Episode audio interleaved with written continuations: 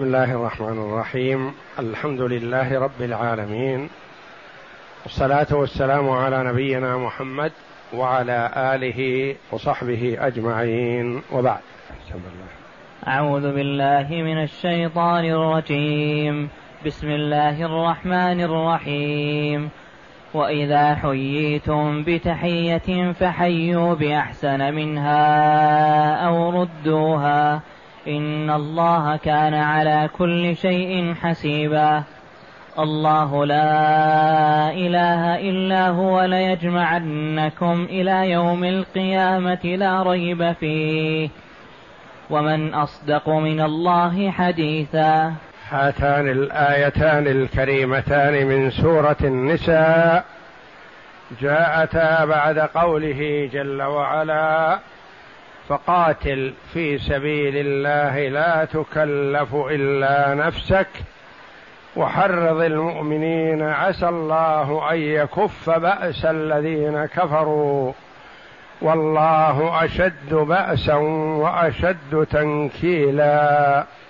من يشفع شفاعة حسنة يكن له نصيب منها. ومن يشفع شفاعة سيئة يكن له كفل منها وكان الله على كل شيء مقيتا.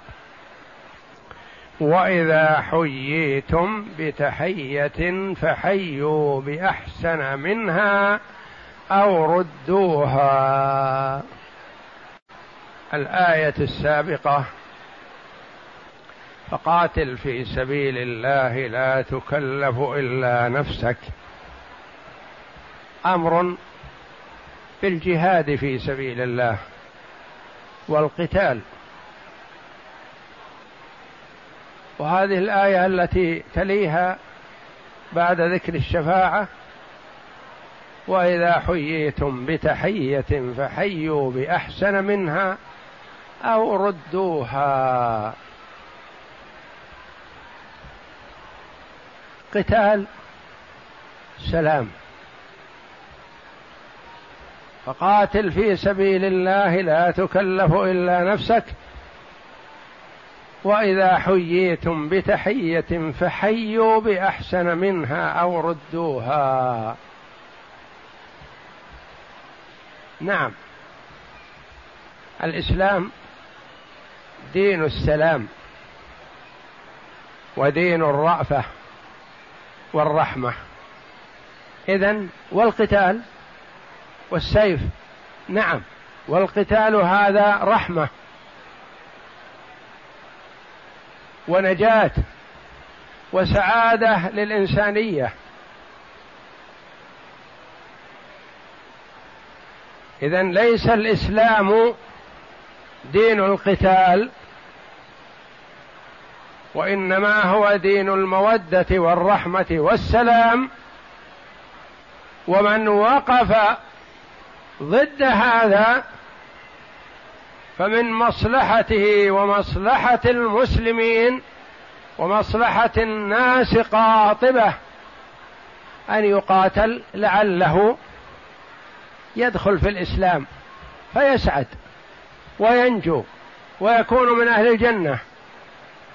عجب ربك من قوم يقادون إلى الجنة بالسلاسل. فهو يقاتل من أجل ماذا؟ من أجل يقع في النار؟ لا. يقاتل من أجل أن يكون من أهل الجنة إذا أراد الله له الخير. وإذا حييتم بتحية فحيوا بأحسن منها. أو ردوها. جاءت بعد آيات الأمر بالجهاد وذلك أن الدين الإسلامي دين السلام والمودة. ولا تقولوا لمن ألقى إليكم السلام لست مؤمنا. تبتغون عرض الحياة الدنيا. فعند الله مغانم كثيرة. كذلك كنتم من قبل فمن الله عليكم. إذا ألقى عليك السلام من عرفت ومن لم تعرف أو من تظنه كافرا فرد عليه السلام. ولا تستعجل عليه بالعقوبة. جاء في صحيح البخاري أن سرية ذهبت في سبيل الله. فقابلهم رجل معه غنيمات له. فقال السلام عليكم. وهم الصحابة يظنونه كافرا. ما هم في بلاد مسلمين. فقتلوه وأخذوا غنيمته. فأنزل الله جل وعلا ولا تقولوا لمن ألقى إليكم السلام لست مؤمنا. تبتغون عرض الحياة الدنيا فعند الله مغانم كثيرة. كذلك كنتم من قبل فمن الله عليكم فتبينوا. والنبي صلى الله عليه وسلم قال لحبه وابن حبه أسامة بن زيد قتلته بعدما قال لا إله إلا الله. قال يا رسول الله ما قالها إلا فرارا من السيف. قال أشققت عن قلبه. حتى تمنى أسامة رضي الله عنه أنه ما أسلم إلا يومئذ. ليسلم من هذه الفعلة التي أقدم عليها وعاتبه عليها النبي صلى الله عليه وسلم.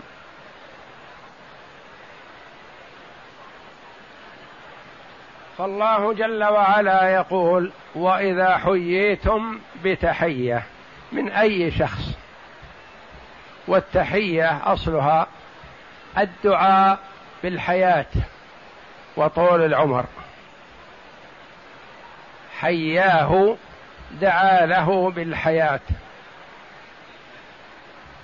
وكان عند العرب ألفاظ في التحية متعددة.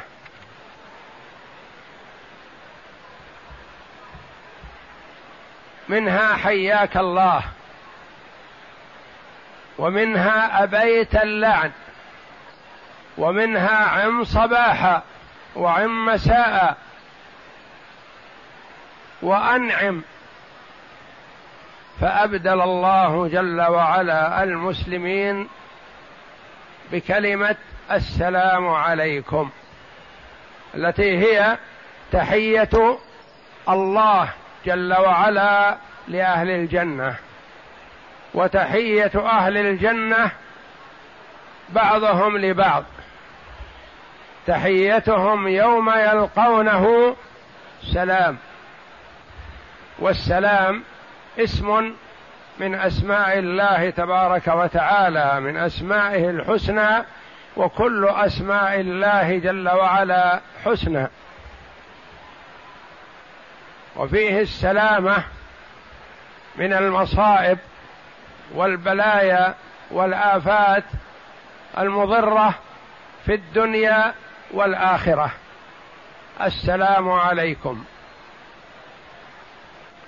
والله جل وعلا يقول وإذا حييتم بتحية فحيوا بأحسن منها أو ردوها. طبق هذا النبي صلى الله عليه وسلم توجيها للأمة. جاء رجل فقال السلام عليك يا رسول الله. قال وعليك السلام ورحمة الله. جاء آخر وقال السلام عليك يا رسول الله ورحمة الله. فقال عليه الصلاة والسلام وعليك السلام ورحمة الله وبركاته. فجاء الثالث فقال السلام عليك يا رسول الله ورحمة الله وبركاته. فقال وعليكم. فوقع في نفس الرجل شيء لا يكون الرسول غضبان عليه. فقال يا رسول الله سلم عليك من, من قبلي فرددت عليه بأكثر مما قال. فقال إنك لم تدع لنا شيئا. يعني استكملت السلام فرددناه عليك. وجاء رجل وسلم قائلا السلام عليكم. فرد عليه النبي صلى الله عليه وسلم السلام وقال عشرا. ثم جاء الثاني وقال السلام عليكم ورحمة الله. فرد عليه النبي صلى الله عليه وسلم وقال عشرون. ثم جاء الثالث وقال السلام عليكم ورحمة الله وبركاته. فرد عليه النبي صلى الله عليه وسلم وقال ثلاثون. يعني أن من أتى بزيادة فله زيادة حسنات. وكان النبي صلى الله عليه وسلم يحث على السلام دائما وأبدا. وأول ما سمع عبد الله بن سلام رضي الله عنه اليهودي الحبر من أحبار اليهود الذي أسلم يقول أول ما سمعت النبي صلى الله عليه وسلم يقول يا أيها الناس أفشوا السلام. وأطعموا الطعام وصلوا الأرحام وصلوا بالليل والناس نيام تدخلون تدخلوا الجنة بسلام. يقول فعرفت أن وجهه ليس وجه كذاب. لأنه لما جاء أسارع الناس لما جاء إلى المدينة عليه الصلاة والسلام سارع الناس للنظر إليه في المدينة. انجفلوا إليه يقول فكنت ممن انجفل. حضرت. فأول ما سمعته يقول كذا. فعرفت أن وجهه ليس بوجه كذاب يأمر بالسلام. ويقول عليه الصلاة والسلام لا تدخلوا الجنة حتى تؤمنوا ولا تؤمنوا حتى تحابوا. أولا أدلكم على شيء؟ إذا فعلتموه تحاببتم؟ أفشوا السلام بينكم. ويقول صلى الله عليه وسلم ألق السلام أو أد السلام لمن عرفت ومن لم تعرف. ألق السلام. وكان النبي صلى الله عليه وسلم إذا جاء إلى قوم وفيهم مسلمون وكفار من يهود ومشركين كان يلقي السلام عليهم. وكان عليه الصلاة والسلام كما قال أنس رضي الله عنه مر أنس رضي الله عنه بصبيان يلعبون فسلم عليهم.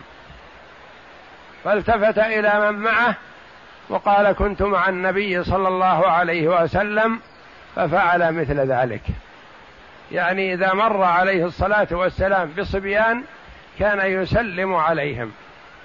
وذكر الله جل وعلا سلامه على المرسلين من الأنبياء والصالح وعلى الصالحين وأن سلامه على أهل الجنة وأن السلام تحية أهل الجنة فيما بينهم.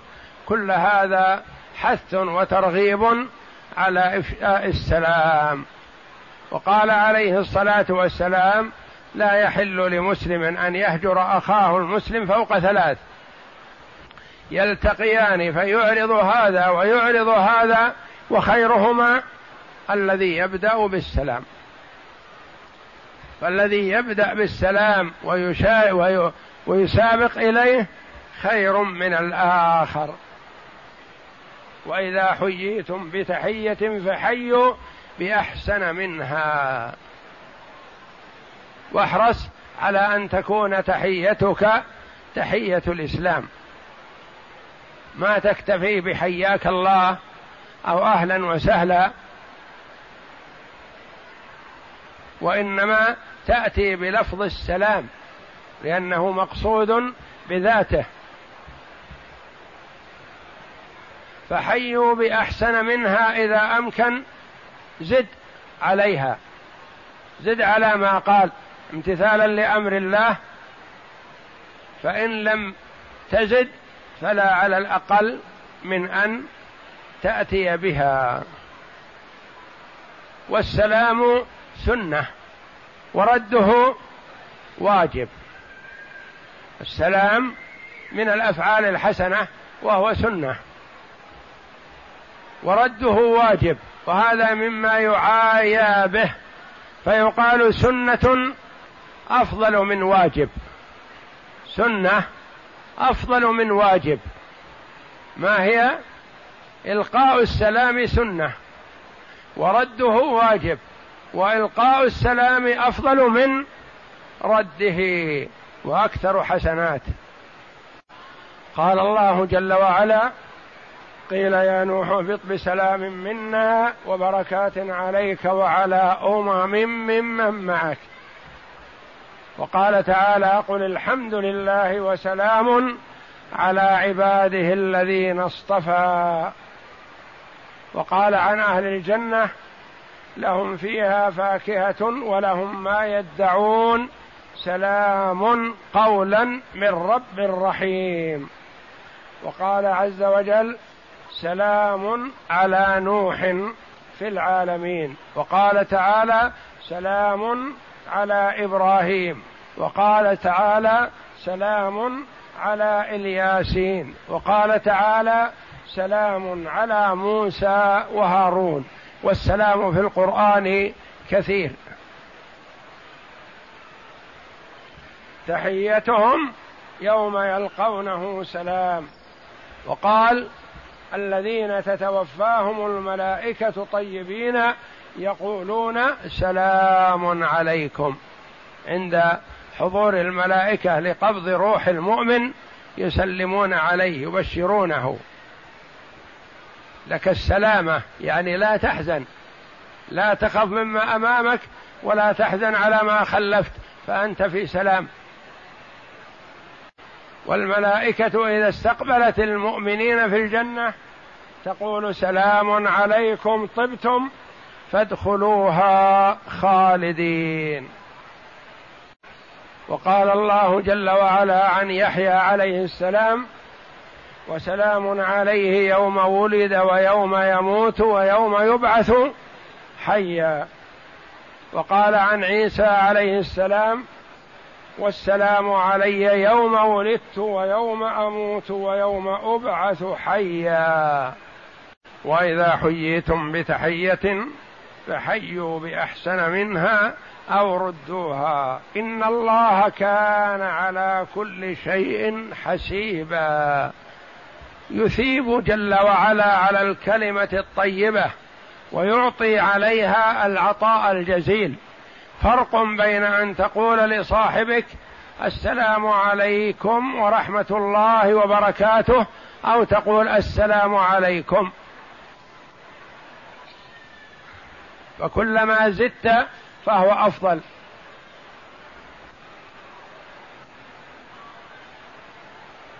ولا يفوت على الله جل وعلا شيء وإنما يثيب على مثقال الذرة. ثم قال تعالى الله لا إله إلا هو. توحيد الله جل وعلا.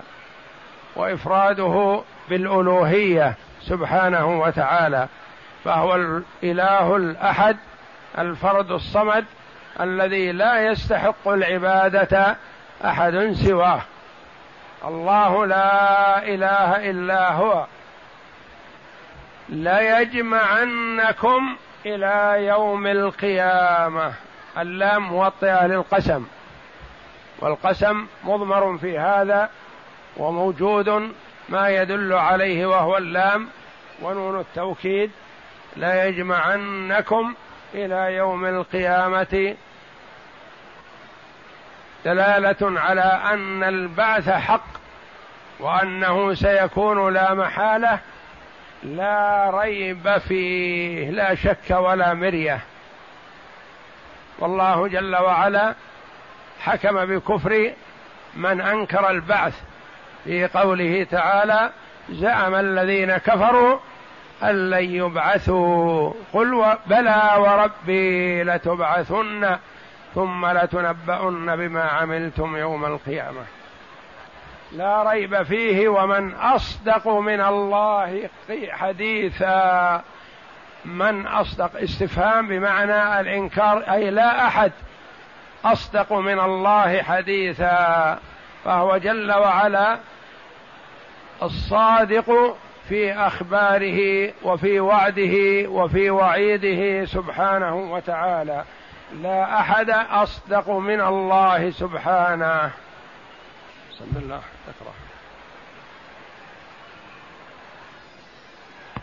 يقول الله تعالى وإذا حييتم بتحية فحيوا بأحسن منها أو ردوها أي إذا سلم عليكم المسلم فردوا عليه أفضل مما سلم عليكم أو ردوا عليه بالمثل فالزيادة مندوبة والمماثلة مفروضة.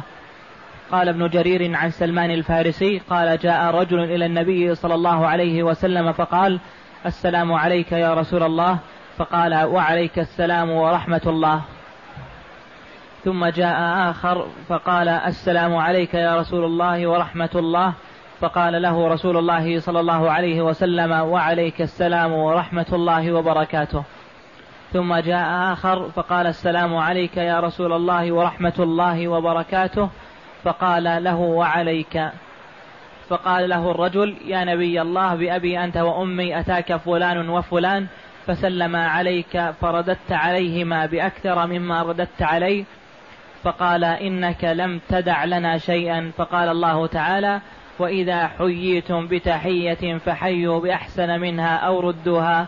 دل هذا الحديث على أن منتهى السلام هو السلام عليكم ورحمة الله وبركاته. ما يحتاج إلى زيادة لأن النبي صلى الله عليه وسلم لو كان هناك زيادة لاعطاها إياه لكن قال له لم تدع لنا شيئا يعني ما بقي شيء نزيدك إياه. أتيت بكل السلام كاملا. وأما بالنسبة لليهود والنصارى فهم لا يبدأون بالسلام وإذا سلموا يقال وعليكم كما جاء في الحديث لأنهم قد يورون بالسلام ما يعطون السلام حقيقة. كما قال رجل من اليهود للنبي صلى الله عليه وسلم السام عليك يا أبا القاسم. يقول السام ويشعر كأنه يقول السلام. فقال النبي صلى الله عليه وسلم وعليك. فقط. فغضبت عائشة رضي الله عنها قالت بل عليك السام واللعنة يا معشر اليهود. قال مهلا يا عائشة. افقا قالت أما سمعت يا رسول الله ما قال؟ يقول السام وأنت رددت عليه ولا عاتبته. السام. قال أو ما سمعت ما رددت عليه؟ ماذا قلت؟ أنا قلت وعليك فيستجاب لنا فيه ولا يستجاب له فينا. إن رددنا عليه ما قال فيستجاب لنا فيه ولا يستجاب له فينا. وإذا رد سلم اليهود والنصارى فيقال وعليكم. ولا يقال عليكم السلام لأنهم قد يورون بكلام سيء والسام الموت وهم كثيرا ما يقولونه للنبي صلى الله عليه وسلم كأنهم يشعرون أنهم يسلمون وهم خونة وكذبة. ولكن النبي صلى الله عليه وسلم يعرف ما عندهم ويرد عليهم.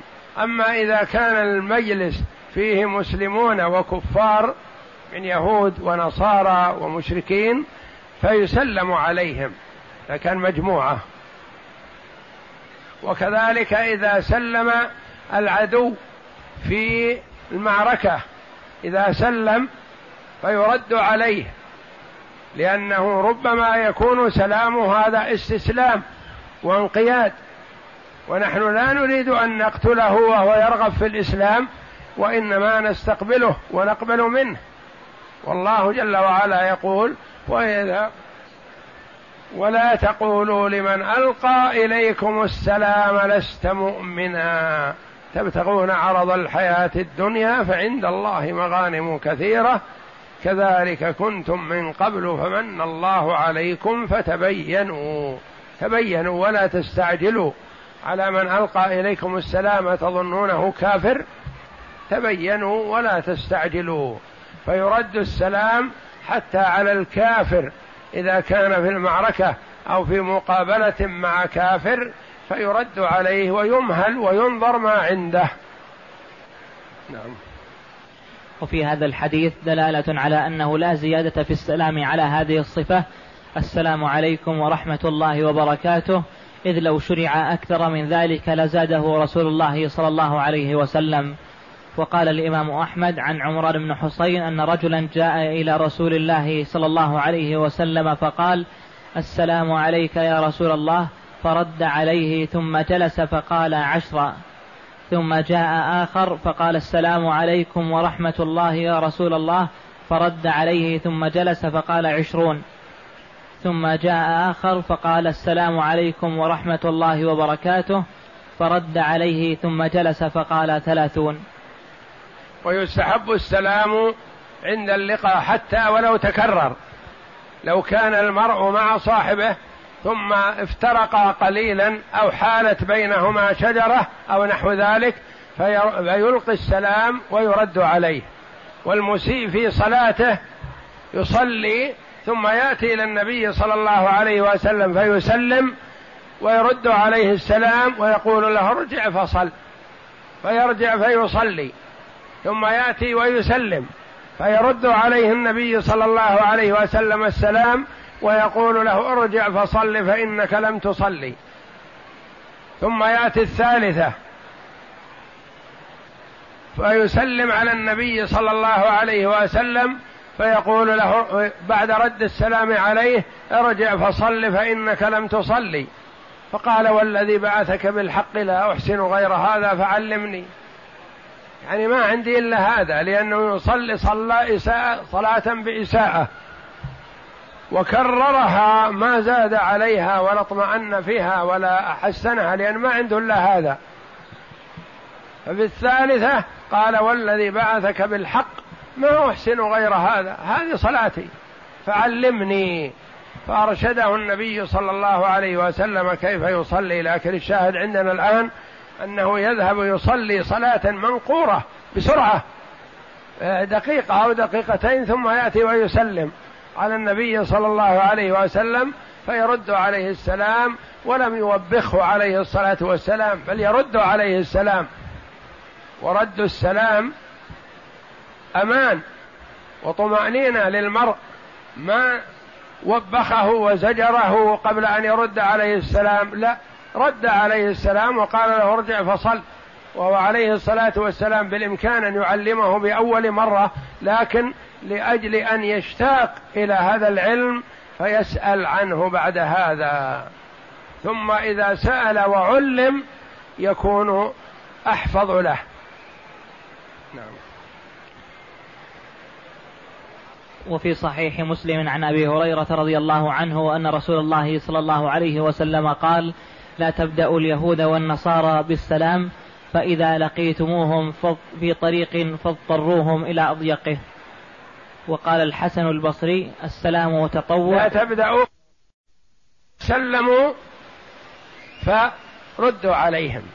بقول وعليكم وعليك إذا كان واحد وإذا كانوا مجموعة وعليكم. نعم. وقال الحسن البصري السلام تطوع والرد فريضة.